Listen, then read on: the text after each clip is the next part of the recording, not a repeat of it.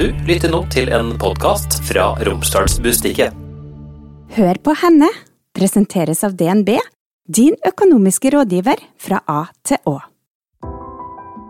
Dagens gjest har en far som heter Kjetil Rekdal, og er samboer med MFK-spiller Kristoffer Haugen. Men aller helst vil hun verken være dattera til eller dama til.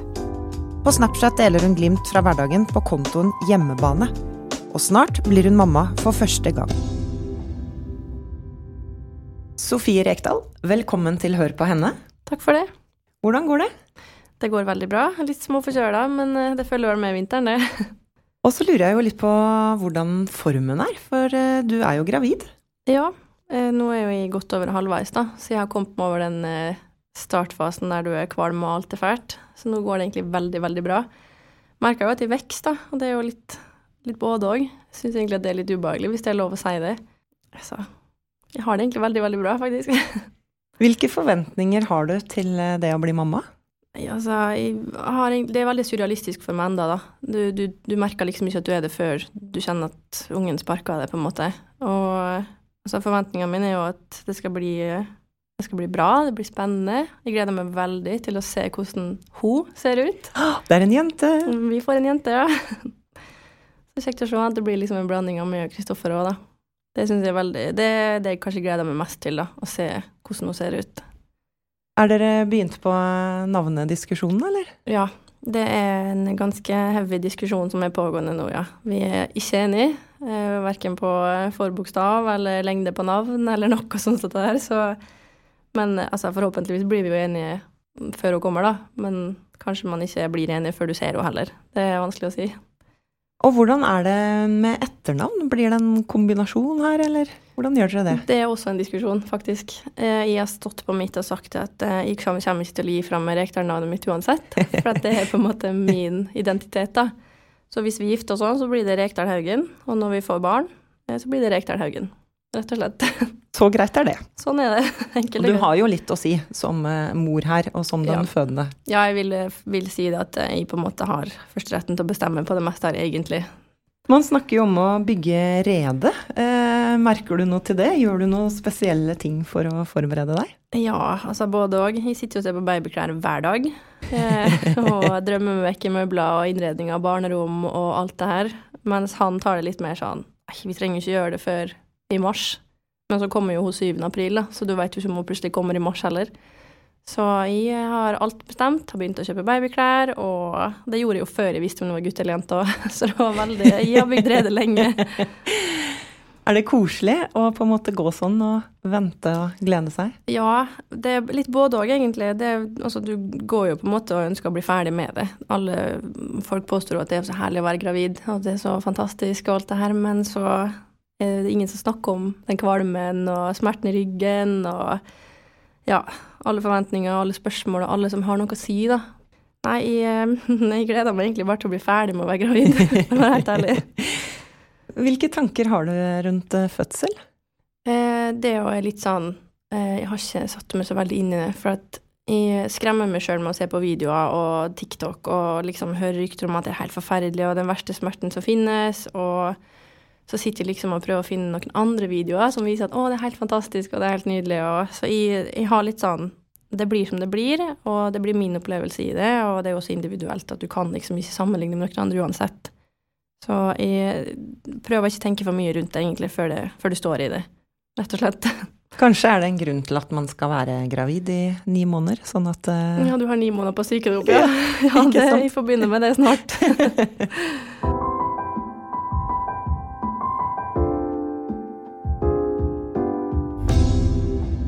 Samboeren din og barnets far er jo Kristoffer Haugen og spiller på MFK.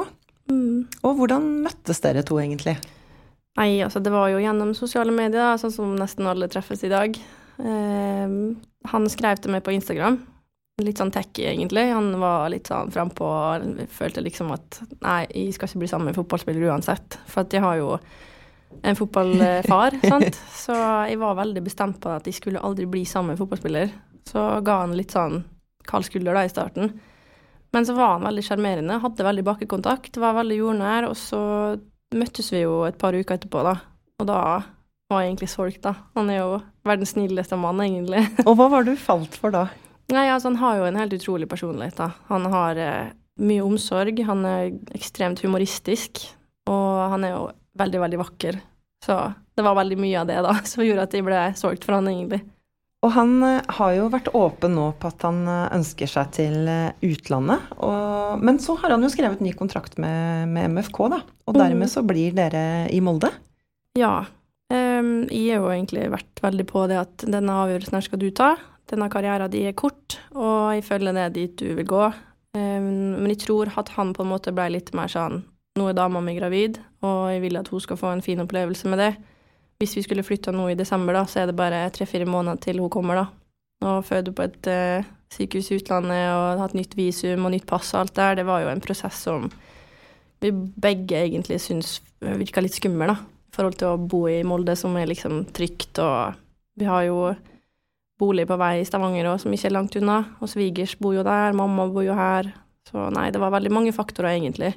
Men for hans del så tror jeg kanskje at han blei litt påvirka av at de er gravid, og så var det uh, hva er det som er best for han karrieremessig og økonomisk, da. Da var det faktisk å bli i Molde, rett og slett.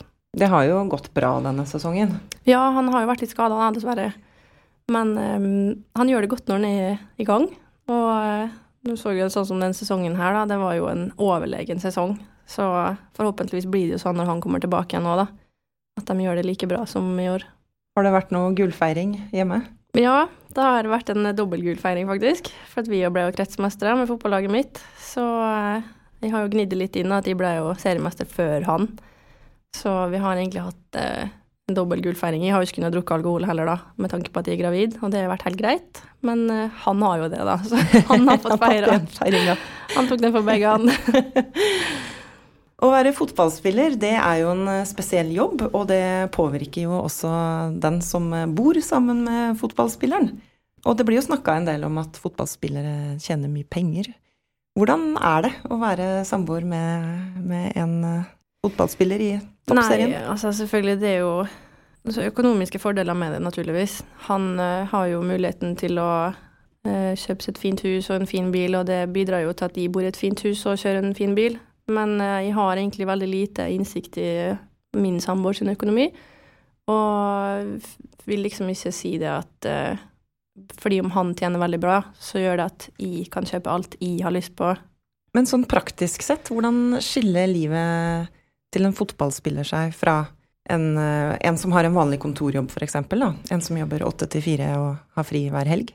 Ja, altså det er jo en veldig stor forskjell, vil jeg si. da. Han, uh, Samboeren min er jo mye borte. Han uh, har jo bortekamper annenhver helg. Så er det treningsleirer på starten av året der han er vekke to til tre uker. Vi kan aldri planlegge en helgetur, vi kan aldri planlegge en sommerferie i utlandet. Vi kan ikke dra på en fest på en lørdag, for han har kamp på søndag. Han blir jo veldig låst, da. Jeg syns jo nesten egentlig det har vært bedre hvis han jobba på kontor, egentlig. Så noen fordeler og noen ulemper eh, er det. Hvordan tror du det er å bli mamma når samboeren din er såpass mye opptatt som han er, og eh, må reise bort i helger og det ikke blir vanlige ferier?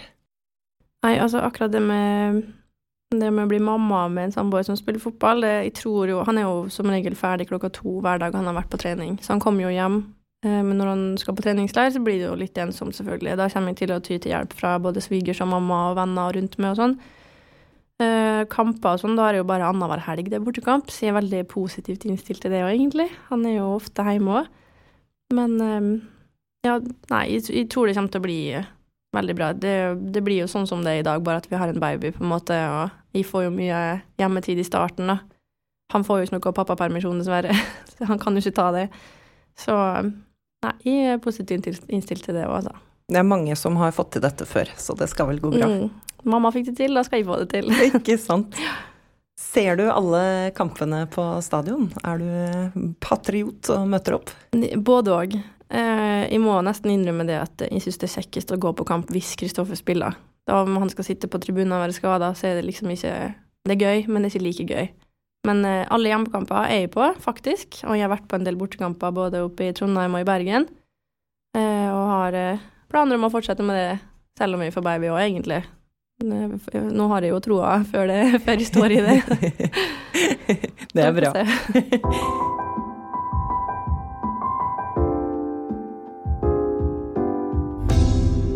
Du tilhører jo en stor klan med, med, fotballfolk, da. Du kan jo kanskje ramse opp eh, alle i familien Rekdal som holder på med fotball? Som holder på med, da er det jo pappa da, som er trener for Rosenborg. Så er det jo Kristoffer som, som du veit, spiller på Molde. Så har jeg et søskenbarn på Odd. Eh, og jeg har en bror i Brattvågen. Og så har jeg et annet søskenbarn som spiller i Post Nord. Ellers er det Obos. Han har nettopp kommet tilbake fra Tyskland, så jeg har ikke helt oversikt akkurat der. Men uh, utenom det så er det vel faktisk ikke så veldig mange flere enn det som holder på. Men uh, alle har nok holdt på med det før. Det, det er nok alle som har gjort på Rekdal-sida. Du har jo også en, uh, hva skal jeg si, lokal legende i din bestefar, Siggen. Ja, farfar, ja. du kaller ham farfar? Ja, nei, jeg kaller ham for ja, Siggen hvis det er noe jeg må svare på med en gang, men ellers er det farfar. Han reagerer mest på Siggen, faktisk. Mm. Hva slags forhold har du til han?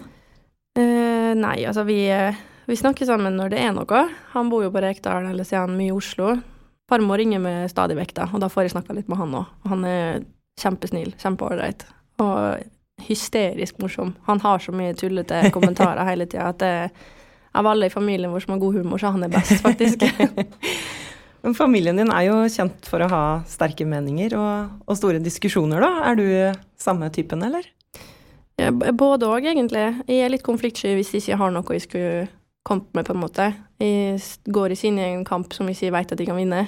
Eh, men eh, å diskutere det syns jeg er interessant. Jeg er glad i å snakke om ting, og um, hvis jeg mener noe, så mener jeg det, og det jeg mener er riktig, da. Så vi er like der, jeg og pappa. Vi er veldig sta på det at når du diskuterer, så skal du gå inn i diskusjon for å vinne. Hvis ikke er det ikke vits. Det høres jo fryktelig hard ut her. Men jeg er også ydmyk nok til å innrømme at jeg har gjort en feil, altså. Det skal sies, det òg. Hvis, uh, hvis, noe er urettferdig eller noe er feil, så er ikke det vondt å innrømme det. Hvordan har det vært å være datteren til Kjetil Rekdal? På det, godt og vondt? Ja, på godt og vondt. Eh, faktisk så har det vært mest vondt, egentlig, for han har vært så mye opptatt. Og når mamma og pappa skilte seg i eh, 2006, så var det jo Vi blei som en to familier, da. Han fikk jo to nye barn og blei opptatt med sitt. Flytta til utlandet og jobba med det, og det var, det var, ikke noe greit i starten. Men uh, med tida så er han faktisk blitt en av dem som vi går til hvis vi trenger råd. Han er veldig, veldig genuin og ærlig og sier liksom ting rett ut som det er. Og ja, han, vi har fått mye, mye bedre forhold med tida, da. Jeg syns det har vært vondt at han har vært så mye opptatt, men han henta oss inn igjen på slutten her, da, egentlig. jo eldre jeg blir, jo bedre blir det, tenker jeg. Ja, er det også noe med det, at uh, du blir voksnere? Ja, jeg tror det. Det var jo altså Som sagt, vi var jo ni år da da mamma og pappa skilte seg, så jeg var jo lita. Og uh, så kom det jo brått inn ei ny dame på hans side, og to små søsken. Så jeg rakk liksom ikke å akseptere at mamma og pappa aldri skulle bli sammen igjen da, før det kom en ny familie. Men eh, jeg er veldig veldig glad i lillebrødrene mine, og stemora mi er et helt suverent menneske som jeg alltid spør om hjelp til når det kommer til fotball, eller eh, ja, når jeg gikk på skole, og så hjalp hun meg veldig mye. Så eh, nei, det, jeg tror det har blitt mye bedre nå når jeg kom over denne puberteten og liksom landa litt sjøl med ny kjæreste, og vi skal få barn, og det, liksom, det blir noe annet når du blir mer voksen sjøl.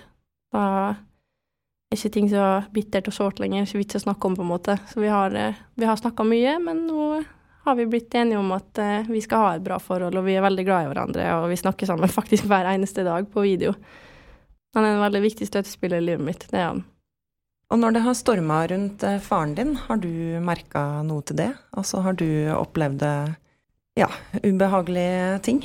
Ja, det, jeg har nok kanskje vært den som har fått mest etter pappa, faktisk. For at jeg gjemmer meg jo ikke akkurat. Jeg står jo fram på Instagram, og jeg har jo en vlogg, og jeg eh, svarer jo hvis folk skriver noe negativt til meg om Når pappa tok over Rosenborg, eksempel, så fikk det, hagla det jo inn kommentarer om at Kjernen aldri kom til å akseptere han, og at han, eh, han som romsdaling hadde ingenting å gjøre i Trondheim. Og jeg skrev jo bare tilbake igjen, ja, vent og se, vi får snakkes om et halvt år, da, få høre hva du har å si da. Og nå har det kommet mye etterpå da, om at eh, han er helt super, han er så flink, og alt han gjør for Rosenborg, og han er skikkelig rosenborging og alt det der. Så, men eh, nei, jeg, eh, jeg tror at siden jeg på en måte er veldig glad i å vise meg sjøl i sosiale medier, så blir jeg lett, si, lett tilgjengelig og et lett bytte for å ta han, da. Så skriver han til meg i håp om at jeg skal si det til han, da. Eller svare. Så ja, jeg har kjent litt på det. Men hvordan takler du, eller håndterer du det? Nei, jeg har jo Kristoffer, da, med min side hele tida. Og han sier liksom alltid det at uh, dette er ikke din kamp å ta, ikke bry deg, og det er ikke du som gjør noe galt her, og ikke, ikke, ikke la det gå inn på det at far din får høre det, for far din tåler det. Pappa er jo et skjold, egentlig, han tåler jo alt. Så nei, jeg, jeg er glad for at jeg har Kristoffer der, da. Han har berga meg gjennom ganske mye anonyme drittmeldinger, da, for å si det sånn.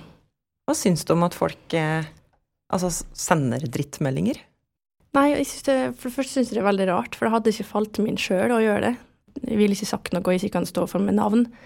Jeg syns det er litt feigt, da, hvis det er lov å si det. At eh, man kan sitte bak en, eh, en anonym app og skrive masse stygge ting, og om de føler seg bedre, det vet jeg heller ikke. Det er veldig uforståelig for meg, da. Så nei, jeg syns det, det, er trist. Veldig trist og dumt. Men jeg lar det ikke gå inn på meg lenger. I starten var det verre, men nå har jeg bestemt meg for at dette gidder jeg ikke å bruke energi på lenger. Og måten faren din blir framstilt på i media, hva, hva syns du om den? Altså, jeg kjenner jo pappa utafor media, og han er jo eh, Det er ikke sammenlignbart. Han eh, gjør så mye kødd. Vi var jo på Gran Canaria nå i to uker. Og jeg har sikkert fire-fem videoer av at han står og danser i oppretta shorts og tuller og styrer, og det liksom Du kunne aldri sett for deg han stått sånn eh, foran kamera ellers. Så nei, han eh, det, Og han har aldri kjefta på meg sånn som han gjør på spillerne sine, eksempel. Han, han er mye mer omsorgsfull og snill og morsom enn det han fremstiller som. For han ser jo ut som en eh, hardbanka, sint fotballtrener som ikke mener at noe er positivt og bra. Alt er gale, liksom. Så nei, han er, det, er ikke, det er ikke sammenlignbart i det hele tatt. og du er jo da ett år eh, når eh, din far tar dette berømte straffesparket i Marseille. Mm. Hvordan har den legendariske hendelsen der påvirka livet ditt? Nei, altså jeg var jo bare ett år, da, så jeg fikk dessverre ikke sett det sjøl. Eller jeg husker det i hvert fall ikke. Men uh, det er jo ofte det du hører gjennom da, hvis noen sier å, du er dattera til Kjetil ja, han er jo straffehelt og alt det her. Og jeg syns det er bare kjekt det at han får kreds for det han har gjort, for det er jo det er ganske stilig at han fikk til det der. Altså det Når du ser nå liksom hvor vanskelig Norge har det med å kvalifisere seg, så syns jeg det er bare artig at han var med på det sist, på en måte. Så ja, nei, det er bare kjekt. Hvor mange ganger har du sett det, tror du? Uh, nei, altså det Hvis jeg savner pappa, så ser jeg på YouTube-klipp, da. Så da blir jo det ofte et klipp jeg ser på. Nå kan jeg sikkert sett på det et par hundre ganger, kanskje, egentlig. Jeg syns det er ganske kult. Det Hvordan reagerte faren din da han fikk vite at han skal bli bestefar? Uh, han blei litt skremt, tror jeg faktisk. For han er veldig det at um, han føler seg så gammel. Og jeg har jo en tendens til å erte han veldig med det, da. Han eh, hadde jo bursdag nå i november. Og da ringte jeg han, og så sa jeg det at ja, grattis med 60-årsdagen. Han er jo 54. så da ble jo han ganske irritert. så nei, jeg, jeg, tror han skremmer seg med den bestefartittelen, på en måte. For han har jo to barn som er 11 og 16. Så han følte seg sikkert veldig gammel, men han er veldig veldig flink med små barn. Og jeg tror han gleder seg veldig, og mens vi har vært på Gran Canaria, så har han vært sånn, det blir mye snakk om henne, og han gleder seg veldig til til treffe henne. Jeg tror han ble skremt i starten, men er veldig fornøyd med det nå i ettertid. Og synes han eh, om at du eh, ble sammen med en MFK-spiller? Nei, jeg tror eh, litt både òg, kanskje. For at eh, før, da, når jeg ringte han og fortalte han at jeg har fått min kjæreste, og han heter det og det og kommer derifra, så er han sånn ja, mm, ja greit, ha det, snakkes. Og nå når jeg ble sammen med Kristoffer, da, så husker jeg at han ringte meg og spurte meg hva jeg gjorde på. Da sa jeg nei, jeg sitter i sofaen med Kristoffer. Ja, Kristoffer hvem da? Nei, Kristoffer Haugen. Haugen? Hvem det? Hæ? Er du sammen? Hvorfor det? Så sa jeg nei, han, eh, han, er jo typen min, da. Hæ? Å ja, øh, skikkelig sånn øh, Ja, han veit jo ikke hvem jeg er, liksom. Og det, jeg tror han syntes det var litt artig at han på en måte hadde Nå har han fått en svigersønn han kan snakke med om fotball, da. Det er det det går i med de to, da. De må snakke konstant sport og fotball, så Han, jeg tror han syns det er veldig stas, egentlig. Og hvordan er forholdet dem to imellom? Ja, det er veldig bra. Det er mye humor. Der er det mye erting, og pappa kaller Kristoffer for rundingsbøyle, og han kaller han for tjukken eller et eller annet der tilbake igjen. Det, det var jo nå når de skulle møte Rosenborg her, Molde-Rosenborg, da var han jo pappa på det at jeg skal stikke ut foten og krokfoten når han jogger forbi meg, og skal passe på at han tryner, og veldig sånn humor, da. Så nei, de har, de har et godt forhold. Veldig godt forhold. Men får Kristoffer noen råd fra faren din? Ja, ytterst sjeldent. Kristoffer har snakka med pappa om eh, utlandet og klubber og kontrakt og sånne ting der. Eh, og tipping, kanskje, da. Pappa tippa jo ikke lenger, da, men eh, hvis Han følger jo med litt sånn av og til. Så han får litt tips sånn hvis han lurer på noe, men eh, det er egentlig ikke så veldig mye av det, faktisk. Kristoffer har et godt forhold til sin egen far, da, og han er veldig på det å tipse og trikse og alt sånt der. Hei, jeg heter Kine og jobber på næringslivsavdelinga i DNB Molde. Vi har hjulpet mange bedrifter å lykkes. Uansett hvor du er på din gründerreise, gir vi deg verdifulle råd på veien. Vi i DNB Molde vil være tilgjengelig for det når du har behov for økonomiske råd fra A til Å. Gå inn på dnb.no for å avtale et rådgivningsmøte med oss. Og hva med din egen eh, fotballinteresse? Ja, jeg var jo egentlig ikke så veldig fotballinteressert eh, før jeg ble sammen med Kristoffer. Jeg har spilt mye, men jeg var ikke Jeg så ikke på fotball. Jeg så på cupfinalen, og pappa var i cupfinalen med Ålesund-Molde. Det var liksom det jeg det var det jeg interesserte meg for. Men etter at jeg ble sammen med Chris, så har jeg fått veldig stor interesse for norsk fotball. Alt sånn engelsk og alt det der, det følger jeg ikke med på. Det, jeg blir litt mett av det når Kristoffer skal se Obos og Premier League, Champions League, Eliteserien. Han skal se absolutt alt. Og ikke bare fotball, men sjakk og golf og håndball. Og det er så mye sport at de blir jo helt Nei, jeg blir litt mett av det. Men uh, fotballinteressen har vokst jo eldre jeg blir, da. Og nå er det jo mest av Kristoffer òg, da. Jeg syns det er veldig kjekt å se på han spille, og hvordan Molde gjør det og sånn der. Har du også fått et annet innblikk i fotballverden? Ja, både òg. Jeg vokste jo nesten opp på Valle, da, gamle stadion til Vålerenga da jeg var lita. Så jeg har liksom alltid vært med på den frokost, fotball, eh, litt mat igjen, trening igjen, garderobesnakk. Liksom jeg har alltid på en måte vært en del av det, da. Så det er liksom ikke noe, ikke noe nytt. Men eh, det er jo noe annet når du har samboeren din på et lag, da. Men går det an å ha noen andre interesser når du heter Rekdal til etternavn? ja, du må like fotball, det må du. Hvis ikke har du ingenting å snakke med familien om, rett og slett. Men eh, altså, for min del altså, er jo jeg eh, veldig interessert i mye annet enn fotball. Som vi setter over fotball og den egentlig. Så det har gått fint så langt, faktisk. Og hva er det du er opptatt av da, når du ikke har med fotball å gjøre? Jeg er veldig glad i klær og mote og hudpleie og sminke og alt sånne, sånn typiske jenteting. Så jeg kan ikke sette meg ned i sofaen med pappa og farfar og sitte og snakke om ja, har du sett hva de nye bloggerne har gjort, eller den nye trenden som pågår nå. Da er det sånn Får ikke respons i det hele tatt. Men idet jeg nevner fotballspiller, da er det sånn Oi, ja, dette kan vi snakke om. Nå, eh, nå er vi med. Da. Men du har jo starta et fotballag, da? Ja, det har jeg faktisk. Jeg um, har jo spilt fotball siden Jeg var jo lita når jeg begynte, da. Jeg var kanskje 10-11 og spilte til jeg var 15-16. Og så når jeg flytta på hybel i Molde, så var det liksom ikke noe lavterskeltilbud med fotball. da.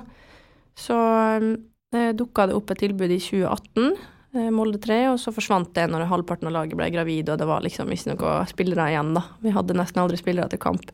Så fra og med 2018 og gjennom koronatida og frem til nå, så har jeg prøvd å få til et fotballag. Jeg har vært i kontakt med bredde, jeg har vært i kontakt med treff. og gjort det jeg kan for å få til et lavterskeltilbud der alle kan få være med. Eh, alt fra 16-åringer til 50-åringer, egentlig, som kan bli med, som har lyst til å spille fotball. og ja, så vi vant jo serien i år. Det ja, gratulerer. Nevnes. Takk for det.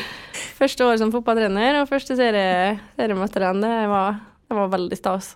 Jeg syns det laget er helt supert. Det er jo mange venninner, og så er det jo mange som er sammen med fotballspillere på MFK der òg. Eh, men det skal også nevnes at det er ikke et fotballag for bare damer til fotballspillere. Det er for alt og alle, da. Vi, eh, vi vil at alle skal kunne føle seg velkommen på det laget. Har dere plass til flere? Ja da.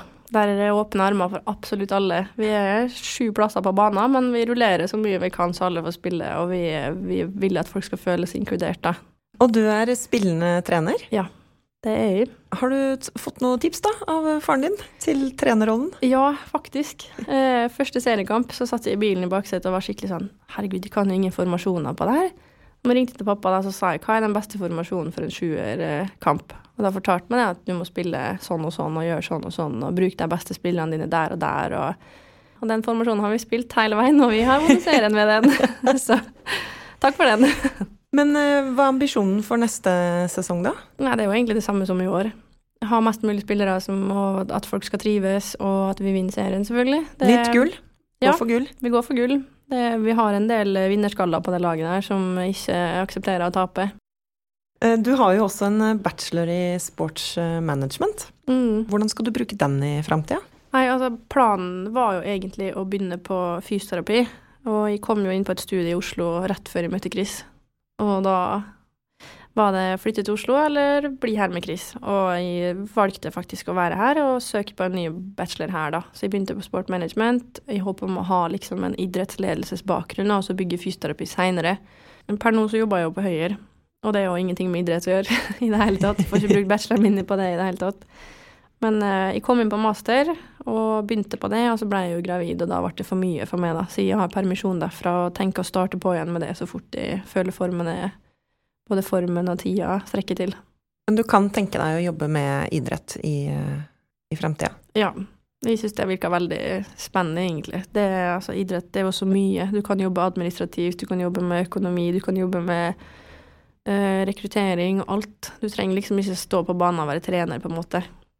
Så ja, forhåpentligvis blir det noe med idrett, da. Når jeg skal begynne å jobbe som skikkelig voksen.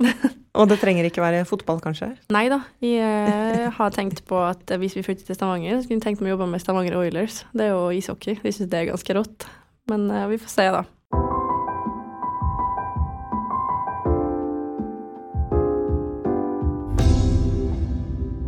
Du har jo også kontor på ulike sosiale medier-plattformer. Vil du kalle deg selv en influenser? Ikke egentlig.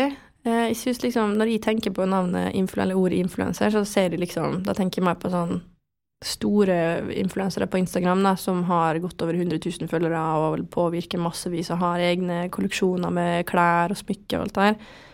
Jeg vil si meg at, Hvis jeg skulle kalt meg selv en influenser, så måtte jeg kalt meg selv en mikroinfluenser, i hvert fall. Jeg har jo ikke veldig mange følgere, og jeg vil ikke si at jeg skiller meg ut noe mer enn noen andre rundt i byen her, egentlig. Så nei, jeg vil ikke kalle meg influenser, egentlig. Men har du noen sånne ambassadørsamarbeid? Ja da, jeg har det. Så sånn sett er det jo litt influenser, da. Hatt noen samarbeid med litt sminkegreier og hårpleie og hudpleie og treningsklær og forskjellig, syns det her. Men eh, ikke så stort at de sjøl vil si at de klarer å påvirke veldig mange, da. Men hvordan funker sånne ambassadøravtaler? Altså, da får eh, du eh, en henvendelse fra en aktør, mm. og så Hva skjer da? Nei, altså Det varierer jo, da. Noen ganger får du lønn, eh, og noen ganger får du bare produkt for arbeidet ditt. De fleste henvendelsene jeg får, er jo 'Hei, Sofie, vi liker veldig godt Instagram-profilen din og har lyst til å gjøre samarbeid med det', og så er det imot at du får produkt imot en story og en post i feeden din, da. Det er jo så enkelt, egentlig, da. Du får litt ting, og så tar du bilde av det, og så ja, legger du ut av det. Og på Snapchat så deler du jo fra livet ditt på Altså som en av disse idrettsfruene bak mm. hjemmebane. Ja. Hvorfor, eh, hvorfor ønsker du å gjøre det? Nei, det er egentlig mest fordi at uh, jeg syns jo hjemmebanekonseptet i seg sjøl er veldig interessant. For da får du vite hvordan det er å være på hjemmebane til en uh, idrettsutøver. Vi har jo alt fra håndball til ishockey til fotball. Vi prøver å legge vekt på at vårt liv som idrettsfrue er et vanlig liv med mye alenetid. Det er ikke så overfladisk og luksuriøst som folk skal ha det til. Eh, det handler ikke om dyre luksusvarer og å leve eh, godt på samboeren sin økonomi. Det handler om et helt vanlig liv med en som driver på med en idrett. Så det å få vekk det her nå overfladiske stempelet om at alle som er sammen med en toppidrettsutøver, får masse fine ting og går bare i dyre klær og bruker masse penger hele tida. Det er det, liksom, det, det vi på hjemmebane prøver å få fram, da. At vi er normale folk, vi òg. Og hva er det du deler fra? Altså, hva er det du viser fram? Jeg viser jo en vanlig hverdag, da. At de er på jobb. At de sminker meg på morgenen. At de, at de er trøtte eller i dårlig form. Og at de har dårlige og gode dager. Og egentlig bare en helt vanlig hverdag sånn som samboeren min, han vil jo ikke at de skal legge ut så mye av han, så jeg må jo respektere det. Og det vil vel egentlig ikke noen av de andre typene til de hjemmebane heller, faktisk. Noen vil nok det, men de fleste er veldig det at eh, det her handler om du og ditt liv, ikke meg og vårt liv, liksom. Så vi skal vise vår dag på vår hjemmebane. Er det noe du ikke ønsker å dele? Ja, jeg vil ikke dele om eh, eh, økonomi, for eksempel, og eh, hva skal jeg si, sex og samliv. Det har kommet noen spørsmål om det, faktisk. Om eh, eh, hvor mye penger Kristoffer har, eksempel, eller hvor mye sex vi har, eksempel, og sånne ting. Så der. Det føler jeg at det blir for personlig for meg å svare på det, for jeg hadde ikke snakka om på en kafé med ei venninne heller. Så det, der går grensa mi, i hvert fall. Hva tenker du om å bli kalt dama til, altså dama til Kristoffer Haugen, eller dattera til Kjetil Rekdal? Altså Egentlig så prøver jeg så godt jeg kan å vike vekk fra det der, men samtidig så er det jo eh, Jeg er jo ikke redd for å legge ut bilde av Kristoffer eller pappa, og da blir det jo litt sånn du fronter far din, eller du fronter typen din som spiller fotball. Men jeg liker ikke å hilse på folk og så si dem ja, du er dattera til Sete Rekdal, du, ja. For da blir de bare det, på en måte. Du husker ikke navnet mitt eller hva jeg gjør på, eller noe sånt. Du ser på meg som dattera til, eller dama til, eller Og der har jeg liksom, når jeg har møtt venninner og sånn, fått med nye venner og sånn, og vi har kommet inn på temaet, da, at eksempel pappa er Kjetil Rekdal, eller Kristoffer er Kristoffer Haugen, så er det sånn Hæ, hvem er det? Da blir de sånn åh, så herlig at ikke du veit det, for da driter du faktisk i fotball og alt det her, og da blir du kjent med meg som person. Så nei, jeg uh, har hatt litt mixed feelings på akkurat det der, da. Jeg, jeg, gjør så godt jeg kan for å bygge min egen identitet, da. Og derfor er det jo da min egen Snap-blogg, uh, mitt liv, hjemmebane, min egen Instagram. Du har lyst til å være Sofie? Jeg vil være Sofie Rekdal, ikke dama eller dattera til. Rett og slett.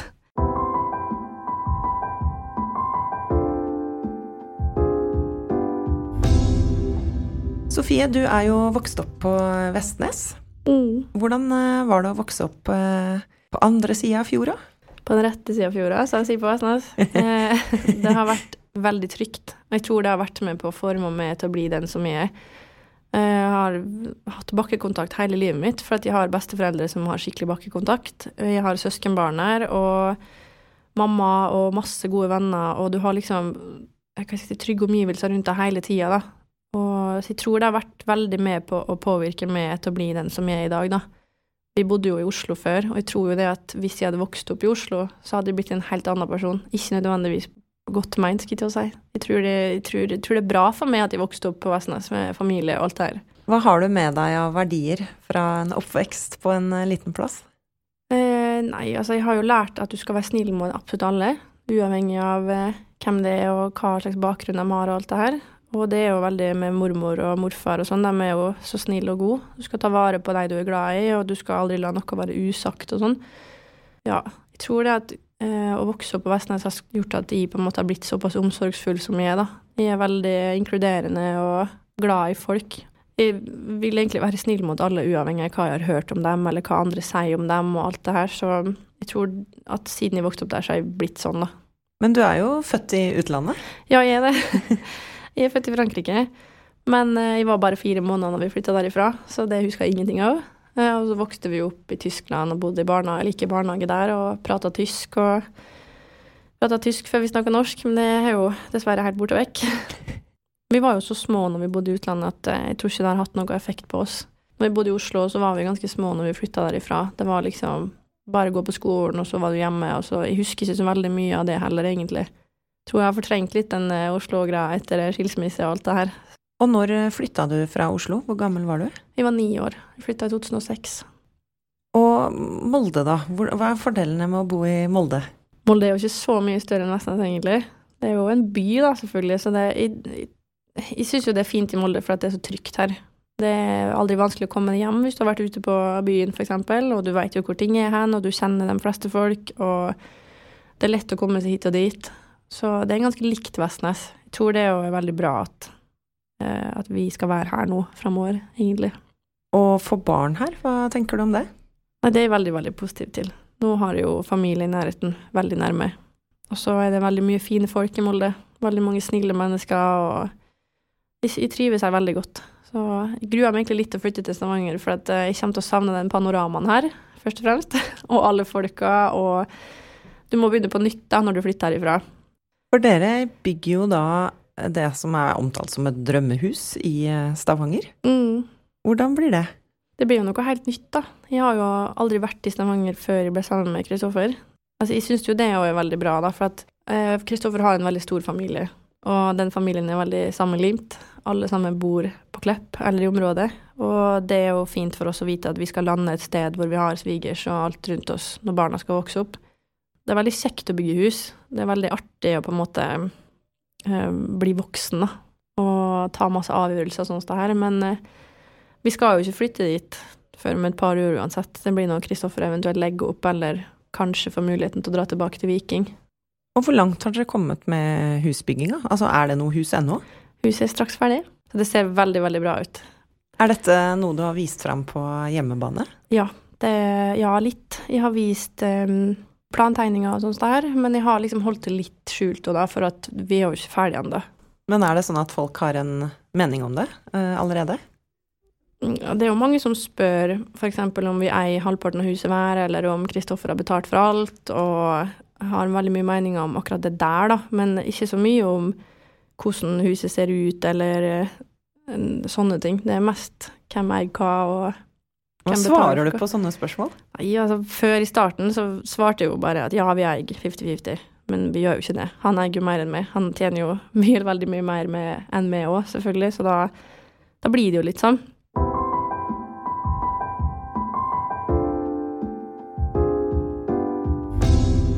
Hva har livet lært deg så langt eh, som du eh, har eh, lyst til å råde andre om? Um, vær snill med alle. Ta inn folk som du ser har det vondt. Snakke med folk. Og veldig på det at du skal la, aldri skal la ting være usagt. Det, det, er kjipt å angre på at du ikke har sagt noe når det er for seint, eller dere ikke har kontakt lenger, f.eks. Og jeg syns man skal være snill med alle uansett. Og du kommer langt med å smile til en ukjent på gata, altså. Du gjør det. Så det er mitt beste tips, egentlig. Er det en kvinne i livet som har eh, betydd mye for deg? Uh, ja. Gjennom hele livet mitt er det selvfølgelig mamma, da. Det er mamma, og det er mormor. Uh, Stemora mi har blitt en veldig viktig person for meg i det siste. Og, men uh, hvis det er én person som jeg har begynt å sette veldig opp til nå i det siste, så er det ei i hjemmebane som heter Hanna Hovland sammen med Even Hovland, som spiller for Hekken. Hun er så genuin, så jovial, så omsorgsfull, og hun er bare et fantastisk menneske som vi ser veldig opp til, i hvert fall i dag. Og det tror jeg at de kommer til å gjøre veldig lenge òg. Det er flotte mennesker, altså. Alle de som jeg har nevnt nå. Sofie Rekdal, tusen takk for at du var gjest i Hør på henne. Jo, takk for meg. Hør på henne er laget av Romsdals Bustikke. Produsenter er Stian Viken og Hanne Fleischer. Mitt navn er Vera Henriksen. Har du ris, ros eller innspill til gjester? Send meg en e-post på hennealfakrøll-r-b.no. Følg oss også gjerne på Instagram, så håper jeg vi høres snart. Hør på henne presenteres av DNB, din økonomiske rådgiver fra A til Å.